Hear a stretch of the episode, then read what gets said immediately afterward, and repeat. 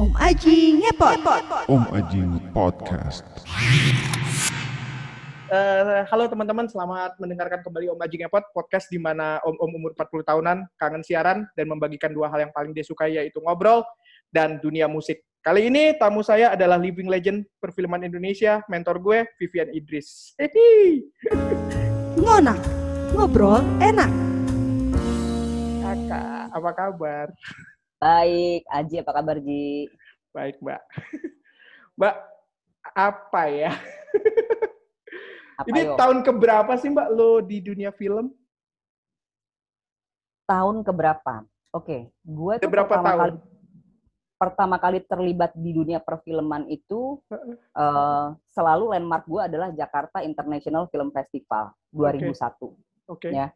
2001. Jadi kalau sekarang kira-kira 20 tahun, Ji. Tapi sebenarnya ternyata pertama bukan itu. Bukan Jifes ya? Pertama itu perta- pertama bukan Gfest satu atap sama Gfest, tapi gue tuh sebenarnya awalnya adalah menjadi publicist dari Pasir Berbisik filmnya Nen Ahnas. Oke. Film pertamanya Dian Sastro. Iya, iya, Gitu. iya. iya. Bukan bintang jatuh ya? Bukan. Eh, Pasir mungkin Berbisik ya. Dulu. ya. Oh, Oke, Gue oke. nggak ingat ya. Iya, Ya, iya. ah, Anyway, ya, itu Ah, ah, oke. Eh, film layar lebar lah katakanlah itu ya. Iya. Nah, nah, pertama tuh gue jadi publicist di situ, tapi gue sangat tergiur melihat G-Fest pada waktu itu ya, dan gue pengen banget gabung sama eh, apa namanya eh, project ini gitu ya, sehingga eh, gue minta lah bisa nggak gue bergabung sama G-Fest, dan ternyata bisa, dan itu juga itu keseruan keseruan apa namanya besar lah dalam kehidupan gue ya. Buat pendengar gue yang nggak terlalu tua, G-Fest itu adalah Jakarta International Film Festival, salah satu festival film internasional keren yang pernah diadakan di Indonesia. Sekarang Festival film ya? internasional pertama. pertama ya? Oh pertama, ya Pertama malah ya? di Indonesia. Internasional yang pertama itu G-Fest. Setelah itu baru JAV. Setelah itu baru JAL. Oke. Mm-mm. Eh, dan Mbak Vivian Idris ini pertama eh, saya mengenal nama beliau justru dari festival itu sebelumnya dan setelah itu udahlah Mbak eh, alasan gua untuk wawancara lo di podcast adalah karena eh, Mbak tuh salah satu yang bikin eh, aku pengen bikin film. Jadi ada beberapa nama. Lo salah satu namanya. Kaya banget loh. Serius gue. di, di, dibilangin ngerayu ya. Enggak, tapi serius Mbak. Film-film, jadi ada beberapa nama yang membuatku pengen bikin film. Eh, Nama-nama yang masuk itu adalah satu, Nia Dinata. Dua, Joko Anwar. Tiga, nama Anda Mbak. Karena kebetulan masa-masa awal-awal saya centil sama film itu adalah film-film mbak-mbak semua. film-film Oh, gitu. kakak-kakak semua. Iya, dan dan patokanku waktu itu standar film bagus tuh fi- filmnya teteh gitu loh kayak gitu kan. Nah, jadi eh, itu kenapa eh, Mbak Vivian Idris jadi salah satu yang saya ajak ngobrol malam ini teman-teman dan sangat rugi kalau cuma satu eh, topik yang akan saya ajak ngobrol karena Mbak Vivian sudah 20 tahun lebih ada dalam eh, dunia perfilman, aktivis, filmmaker, bahkan sekarang eh, aktivitas yang lainnya adalah salah satu apa Mbak penggerak industri. Boleh nggak sih Mbak? Hmm, iya. Benar, Di Akatara itu apa sih? Aka, apa sih di Akatara itu sebutannya? Akatara itu, gue di Akatara itu sebutannya sebagai program director gitu ya. Heeh. Tapi eh, ya kerjanya sih kerja sama lah ya. Gue nggak kerja sendiri. Gue ke- Mm-mm. kerja sama sama tim ya. Akatara ini kan proyeknya, proposalnya Badan Perfilman Indonesia yang bekerja sama dengan dulu Bekraf waktu masih ada. Badan Ekonomi Kreatif. Nah sekarang itu udah bergabung dengan Kemenparekraf. Ah, yang basically uh, membuat sebuah forum untuk mempertemukan kreator dengan investor gitu ya. Oke. Karena di Indonesia tuh kreator banyak banget dan uang banyak beredar sebenarnya gitu ya. Mhm. Banyak orang yang mau masuk investasi ke dunia film Mm-mm. tapi nggak ada tempat ketemunya, Ji. Mm-mm. Akatara Jadi kan jadi harus- tempat itu. Betul. Yang kata Tahun berapa. Mbak lu diajak gabung Mbak? Gue tuh diajak gabung tahun 2018. Jadi Akatara itu pertama kali tahun 2017 adanya. Hmm. Gue diajak gabung tahun 2018. Waktu itu uh, gua, gua juga ada beberapa syarat sih. Artinya gini, kalau misalnya Hmm. mau bikin forum seperti ini, Mm-mm. forum seperti Akatara itu kan nggak ada ya di Indonesia ya. Iya. Uh, waktu itu gue bilang kita harus bisa fasilitasi banyak orang nih. Kalau kalau mau ngerjain forum ini artinya yang difasilitasi bukan cuma film panjang atau film bioskop, tapi dokumenter juga harus masuk, film pendek juga harus masuk dan berbagai genre yang lain karena uh, ini kesempatan buat banyak orang. Artinya orang harus bisa mengakses informasi yang ada di Akatara. Itu banyak diskusi lah sama Agung Sentau saya, ketua bidang akses pembiayaan film yang uh, apa namanya menjadi foundernya Akatara ini. Hmm. Dan kebetulan visinya sama. Hmm. Visinya sama jadi oke, okay, gue join. Hmm. Nah dari situ mulailah terus sampai sekarang. Jadi kalau bahasa bahasa awamnya Akatara itu adalah pasar tempat di mana yang mau modalin sama yang bikin film ketemu. Betul. Betul. Film market. Mm -mm. Film market ya. Ya. Ini baru adanya dari tahun 2016 dan Mbak Vivian masuk 2018. 2017. Oh 2017. 2017, uh, gue masuk 2018. Oke, artinya udah ini udah tahun keempat ya Mbak ya? Tahun ini ada kan Akatara? Ini tahun tahun ini ada, rencananya tahun ini ada, tahun lalu absen ya karena Uh-uh. pandemi. Harusnya tahun kelima, tapi akhirnya sekarang jadi tahun keempat Oke, karena tahun lalu nggak ada. Mbak, eh, selama ini kan lo tuh sebagai aktivis perfilman ya. Maksudnya lo lo taunya eh, eh, lo lo lo banyak bergaul, bergaul dengan komunitas-komunitas, tapi kan itu kan sporadis. Sekarang di Akatara itu terlembaga. Mereka mas eh, kasar sih semua database filmmaker-filmmaker di seluruh Indonesia itu lo pegang. Mulai dari yang filmnya bagus sampai filmnya yang kacrut. Yang maksudnya proposal yang mas masuk. Eh, ketika pertama kali lo meriksa proposal-proposal itu, Mbak, lo kan yang nyeleksi ya, yang nyeleksi film mana yang nanti akan dipertemukan sama investor, bener kan, Mbak ya? Salah satu Iya. tugasnya ya. Termasuk salah satu, gue termasuk salah satu tim yang menyeleksi awal. Oke, nah eh, dalam kondisi kayak gitu, Mbak, artinya eh, menurut lo ketika tahun pertama apa PR terbesar filmmaker kita sebenarnya, Mbak? Filmmaker-filmmaker eh, eh, baik yang baru maupun yang lama, semua yang masuk itulah pemetaannya kayak gimana, Mbak? Oke. Kalau dari kalau kita ngelihat secara garis besar ya, filmmaker kita itu satu eh, banyak sekali yang tidak mengerti manajemen film atau bisnis film. Itu garis besarnya karena sekolah film itu tidak pernah mengajarkan secara spesifik film as a business. Film as a creative iya, Yes. ya, film as a creative action, as a as a apa namanya creative expression iya, tapi not film as a business. Tapi kan ujung-ujungnya lo harus jual film lo. Iya kan? Eh, Ketika sudah menjadi produk film itu, it's business as usual. Gitu aja. Nah, itu yang tidak dimiliki oleh eh, kebanyakan filmmaker kita. Artinya eh, mereka taunya cuma bikin film aja, habis itu urusan promosi. Bahkan dari urusan promosi gitu ya. Aduh, nggak tahu lah gimana gitu kan. Dari urusan publikasi gitu ya. Sekarang sih udah banyak, tapi da- urusan distribusi itu masih sangat susah. Juga ditambah dengan kondisi eh, ekosistem kita. Ekosistem perfilman kita tuh masih banyak yang bolong gitu ya. Kalau kita ngelihat misalnya ekosistem perfilman kita, ada edukasi, ada produksi, ada distribusi dan promotion, Hmm. ya, marketing, distribusi, promotion itu satu di situ. Kemudian ada eksibisi, Hmm. kemudian ada pengarsipan, Hmm. ada archiving. Nah ini masih banyak bolongnya di lima ini. Ah, sekarang kalau kita ngomong distribusi aja, emangnya ada di Indonesia distributor film? Iya, ada, tapi yang berfungsi Produser. sebagai distributor film adalah produser Yes. yang harusnya tidak melakukan itu gitu loh harusnya ada sendiri orang yang mengerjakan distribusi ini gitu kalau di Indonesia juga kelemahannya adalah karena banyak uh, independent filmmaker sehingga filmmaker jadi sutradara jadi produser jadi penulis jadi distributor editor juga. itu editor juga exactly. Lo bikin semuanya gitu loh. Abis itu begitu film lo selesai lo udah ngos-ngosan gitu loh. Mau mau ngurus distribusinya lagi. Itu pertama. Ekosistem kita emang belum lengkap. Jadi jangan ngomong soal industri dulu. Sebelum kita bisa ngomong industri kita ngomong ekosistem dulu ngebenerin ekosistem dulu. Kedua karena misalnya nggak tahu bisnis gitu ya nggak tahu nggak nggak nggak belajar bisnisnya atau nggak belajar eh, manajemennya. Jadi ketika membuat pitching pitch deck gitu ya Hmm. untuk investor pitch-nya itu pitch kreatif Bukan Padahal pitch bisnis. investor, bukan pitch bisnis itu. Oke. Jadi ketika kalau lo ngajuin ke investor, yang lo bikin harus rencana rencana bisnis lo gimana? Pokoknya kasarnya gini, uang gue baliknya gimana nih caranya? Apa rencana lo untuk ngebalikin duit gue? Itu investor, gitu ya. Kita nggak ngomong kejem, nggak ngomong apa. No, bisnis it's like that, gitu. Bisnis itu kan harus harus eh, apa namanya menguntungkan. Kalau nggak menguntungkan bukan bisnis namanya, amal jariah, gitu. loh. Nah, apa namanya ketika lo ketika lo nggak punya rencana itu atau lo bahkan nggak tahu gimana caranya untuk membuat strategi bisnis penjualannya gimana orang semua yang mau invest bingung gitu kan Hmm.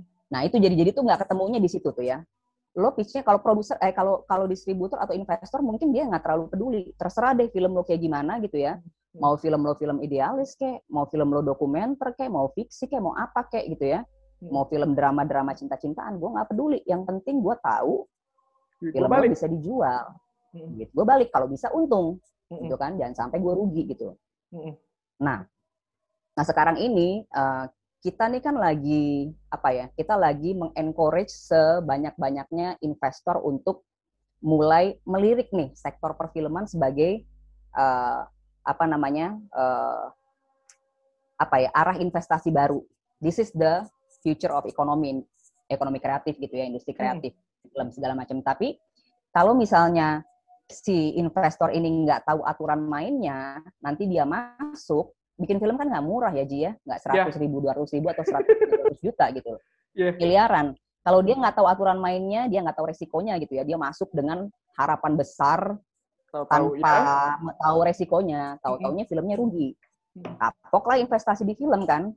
Nah itu susah tuh karena kita nggak bisa tuh sebenarnya apa namanya eh, afford untuk kehilangan investor. Kalau dia rugi ketika dia udah tahu resikonya itu, itu nggak apa-apa. Bisnis semuanya kayak gitu. Tapi kalau dia rugi karena dia nggak tahu aturan mainnya, nah ini berarti ada yang nggak benar. Maksudnya ada yang ada yang kurang nih, ada yang bolong nih. Artinya informasi untuk investasi film ini nggak ada kan di lapangan. Gue harus nanya ke siapa nih? Mm. Tuh, Makanya itu juga salah satunya kenapa ada Akatara. Jadi Akatara itu bukan cuma untuk konten kreator, tapi juga untuk investor. Mm. Workshop, seminar dan segala macam tuh bukan cuma untuk memenuhi uh, kebutuhan knowledge dari si konten kreator, tapi juga untuk investor dan stakeholder lainnya. Satu ekosistem gitu sehingga bisa jadi uh, bisa membangun sama-sama membangun industri perfilman yang sehat ya, yang baik. Oke, Gitu. Mbak, eh, untuk investor, kalau Indonesia sendiri ada berapa macam ya Mbak ide investor yang eh, bisa yang sudah mau bergabung di Akatara untuk ikut menja- me- melihat pitchingan para filmmaker kita? Oke, kalau dari pengalaman kita di Akatara ya, investor itu bisa kita uh, lihat secara garis besar adalah investor tradisional dan uh, in- konvensional, sorry, investor konvensional dan investor non konvensional. Hmm. Yang konvensional itu mi- misalnya orang yang memang sudah bergelut di bisnis film, gitu ya, rumah-rumah produksi yang besar atau memang uh, pendana-pendana untuk film gitu ya. Kita kan udah punya capital ventura untuk film ya, yang gue juga agak kaget sebenarnya. Uh, jadi cukup canggih gitu ya. Ini kita ngomong investor dalam negeri ya. Iya. Kemudian ada juga investor yang non konvensional. Artinya ini adalah orang-orang baru. Orang-orang baru eh, yang tadinya tidak bisnisnya itu bukan bisnis film tapi mau tertarik gitu ya, tertarik untuk masuk ke eh, bisnis film. Bukan cuma untuk produksi film loh. Iya. Karena banyak ya memang di di perfilman itu banyak misalnya bangun bioskop.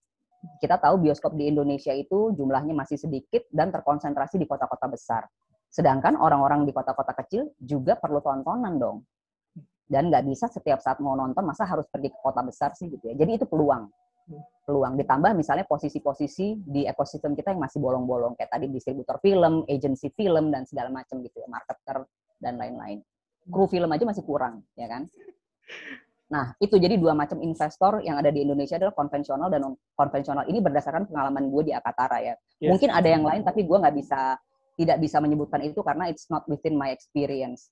Oke, nah, ini yang menarik, eh, yang menarik itu tunggu sebentar, kita masih di investor nih. lanjut Mbak, yang lanjut. menarik adalah uh, untuk investor ini uh, kita kan harus juga mengetahui data-data dari investor ya, karena kita perlu kasih tahu nih ke uh, teman-teman yang proposalnya masuk. Oke, ada investor A, B, C dan D gitu ya. Si A ini adalah ini, B adalah ini, kita kasih tahu semua ke mereka. Buat apa? Supaya mereka bisa men-tailor made juga pitching mereka. Mereka misalnya menyasar siapa? Lo nggak bisa nyamain investor A dengan B dengan C dengan D gitu ya. Lo harus tahu soft spot mereka masing-masing apa, apa yang mereka cari. Sehingga lo bisa spesifik gitu ya ketika lo pitching ke mereka. Ketika lo speed dating satu-satu ke mereka, lo harus tahu spot, soft spotnya apa. Nah, kemudian yang menarik adalah banyak sebenarnya investor yang masuk itu bisnisnya, bisnis yang mereka geluti sekarang itu bukan bisnis film. Ya, ada ada yang punya pabrik kimia gitu ya. Terus kan kita juga kita juga bertanya-tanya gitu kan, ini bener apa enggak nih? Gitu. Kok lo bisa tahu ada Akatara? Tapi setelah kita tanya lebih jauh lagi ternyata dulu orang tuanya pembuat film. Jadi menarik ya. Menarik banget gitu. Mereka pingin mengembalikan legacy itu dan mungkin juga karena tumbuh melihat orang tuanya sebagai produser film dan dan terlibat di dunia film gitu ya mereka juga timbul keinginan untuk melakukan itu lagi itu yang ada untuk Indonesia nah Akatara tidak hanya mencari investor dari Indonesia kalau film iya filmnya hanya kita hanya akhirnya hanya memfasilitasi film Indonesia dulu gitu ya konten kreator Indonesia tetapi kita juga ingin mengundang investor global gitu kenapa selama ini uh, nggak banyak investor global di Indonesia karena film itu baru dicabut dari daftar negative list investment yes. tahun 2015 hmm. ketika Pak Jokowi memulai kabinetnya gitu ya. Nah selama itu sebelum 2015 tidak boleh ada investasi asing masuk untuk film. Begitu itu juga menurut gua ya, menurut gua itu juga yang membuat kenapa selama ini uh, film di Indonesia tuh, investasi film di Indonesia tuh nggak banyak gitu. Padahal kita punya banyak konten gitu. Oke, okay. berarti ada tiga macam tradisional, konvensional, dari luar juga ada. Yang hmm. dari luar yang sudah mapan-mapan ini eh, rata-rata uh, mencari konten yang seperti apa, Mbak? Kalau ke Indonesia, Mbak? Macam-macam, macam-macam tergantung mereka siapa gitu ya. Kayak misalnya kalau kalau CJ itu masuk lihat, kategori ini ya? Sorry, gue potong. CJ itu masuk kategori ini ya? Iya, iya. Okay, okay, okay. CJ itu masuk kategori eksibitor. Oh, eksibitor malah ya? Tapi, ya? Uh, di sini masih eksibitor ya. Iya, Meskipun ya, kan? mereka juga uh, datang gitu ya ke Qatar, tapi kalau di Indonesia masih eksibitor. Di luar negeri mereka emang produser uh, dan investor juga ya. Hmm. Di sini uh, di sini gue nggak tahu udah apa belum. Hmm. Nah, uh, investor itu mencari apa itu sangat tergantung dari dari mana mereka datang. Katakanlah mis misalnya mereka dari uh, uh, OTT gitu ya. Mereka dari OTT mereka akan nyari sesuai dengan apa yang misi yang dibawa oleh OTT-nya gitu. Kalau View misalnya, uh, View kan banyak memutar konten-konten hanya memutarkan konten-konten Asia. Maka konten-konten yang khas Indonesia juga uh, apa namanya dicari gitu oleh View. Kalau Netflix misalnya lebih lebih luas lagi gitu ya. Uh, Disney dan yang lainnya juga lebih luas gitu ya. Tapi kalau misalnya mereka ada juga yang mencari konten uh, dokumenter karena ada satu dokumenter yang dibikin oleh anak-anak Bandung tentang apa namanya Garuda Wisnu Kencana tuh itu mereka dapat investor dari New Zealand kalau nggak salah gitu. Jadi beraneka ragam banget kita juga nggak bisa bilang uh, kalau dari luar biasanya nyari ini nggak juga gitu. Tergantung mereka dari mana. Mereka datang dari institusi lebih lebih ke situ ngelihat mereka datang dari background apa. Oke. Okay. Efek baik lima tahun tahun keempat sorry. Uh, efek baik hmm. empat tahun Akatara diselenggarakan setelah, terutama setelah Mbak Vivian masuk, apa Mbak yang Mbak rasain? Setelah gue masuk, gila. Uh, sebenarnya gue ngeliat bu, uh, bukan bukan setelah gue masuk sih ya, tapi uh, kenapa gue juga setuju untuk join ke Akatara karena gue ngeliat kita tuh perlu forum kayak Akatara, yes. gitu ya. Kita perlu forum kayak Akatara dan harus ada orang yang mau ngerjain Ji, gitu loh. Hmm. Harus ada orang yang mau ngerjain gitu. Capek sih Ji, tapi ya gimana ya? Uh, ini kan juga buat kalau gue kalau gue filmmaker ya ini buat gue juga gitu loh hmm. tapi lebih enak kalau misalnya kita bisa uh, maju sama-sama gitu loh uh, punya pengetahuan yang sama sehingga kita kita ketika kita bekerja sama bersinergi sama teman-teman di ekosistem ini uh, kita punya kita punya tingkat pengetahuan yang sama lebih enak kayak gitu gitu ya hmm. nah kalau gue melihatnya gini uh, Akatara kenapa sampai sekarang misalnya masih semangat gitu ya ngerjain Akatara semua orang pada nanyain Nanyain apa? Semua orang pada nanyain, uh, kapan lagi nih ada Katara? Katara ada nggak? Artinya ada kebutuhan. Yeah. Itu aja, itu parameter sederhana. Gitu ya, itu parameter sederhana. Kapan nih ada Katara? Kapan lagi nih? Kapan lagi nih? Gitu. Dan kalau kalau gue ngeliat nih ya, maksudnya ini uh, apa namanya pengamatan by the book aja gitu ya. Kita ngelihat misalnya di Akatara, yang masuk itu misalnya uh, pendaftar bisa sekitar 400 proposal. Ya. Okay kemudian disaring yang lolos hanya bisa 50 proposal. Ya, jadi ada kompetisi di situ. Karena apa? Karena kuotanya terbatas memang. Jadi kuota yang diberikan oleh pemerintah itu hanya bisa membiayai 50 orang untuk diundang datang ke Jakarta, mengikuti workshop dan persiapan untuk kemudian pitching secara live di hadapan investor, gitu ya. Jadi bukan karena film lo nggak bagus atau apa, tapi karena memang ada kuota, gitu ya. Film lo mungkin bagus, tapi mungkin ada yang lebih bagus gitu loh. Itu. Satu ya. Uh, jadi ada kebutuhan untuk itu. Kebutuhan itu kita lihat juga dari mana? Dari yang daftar banyak. Itu jelas ya berarti ada naik terus ya mbak ya? Hmm? tiap tahun naik Kenapa? terus itu yang daftar? Naik terus, naik terus. Dari dua dari ya pokoknya dari gue lupa ya tahun pertama itu berapa, tapi tahun kedua itu udah 300 lebih gitu ya. Eh, tahun ketiga itu udah 400-an. Ada peningkatan kualitas Mbak dari proposal produksi yang masuk? Yang 400 itu itu cuma kuantitas doang yang naik, tapi proposalnya sama Hmm. aja, masih kayak Hmm. proposal ngajaan ngadain kegiatan, atau udah ada peningkatan signifikan? Artinya itu kan hasil dari. Akatara juga. Iya, iya. Jadi gini, ada ada eh, di tahun keempat, eh di tahun ketiga ya, terutama ya Hmm. itu kelihatan banget hmm, pitch deck-nya udah bagus-bagus. Oh, Oke. Pitch deck-nya udah bagus-bagus. Jadi Hmm. kayaknya pas dari mulai awal diadakan Akatara itu orang mulai eh, apa namanya mulai familiar dengan terminologi pitch deck.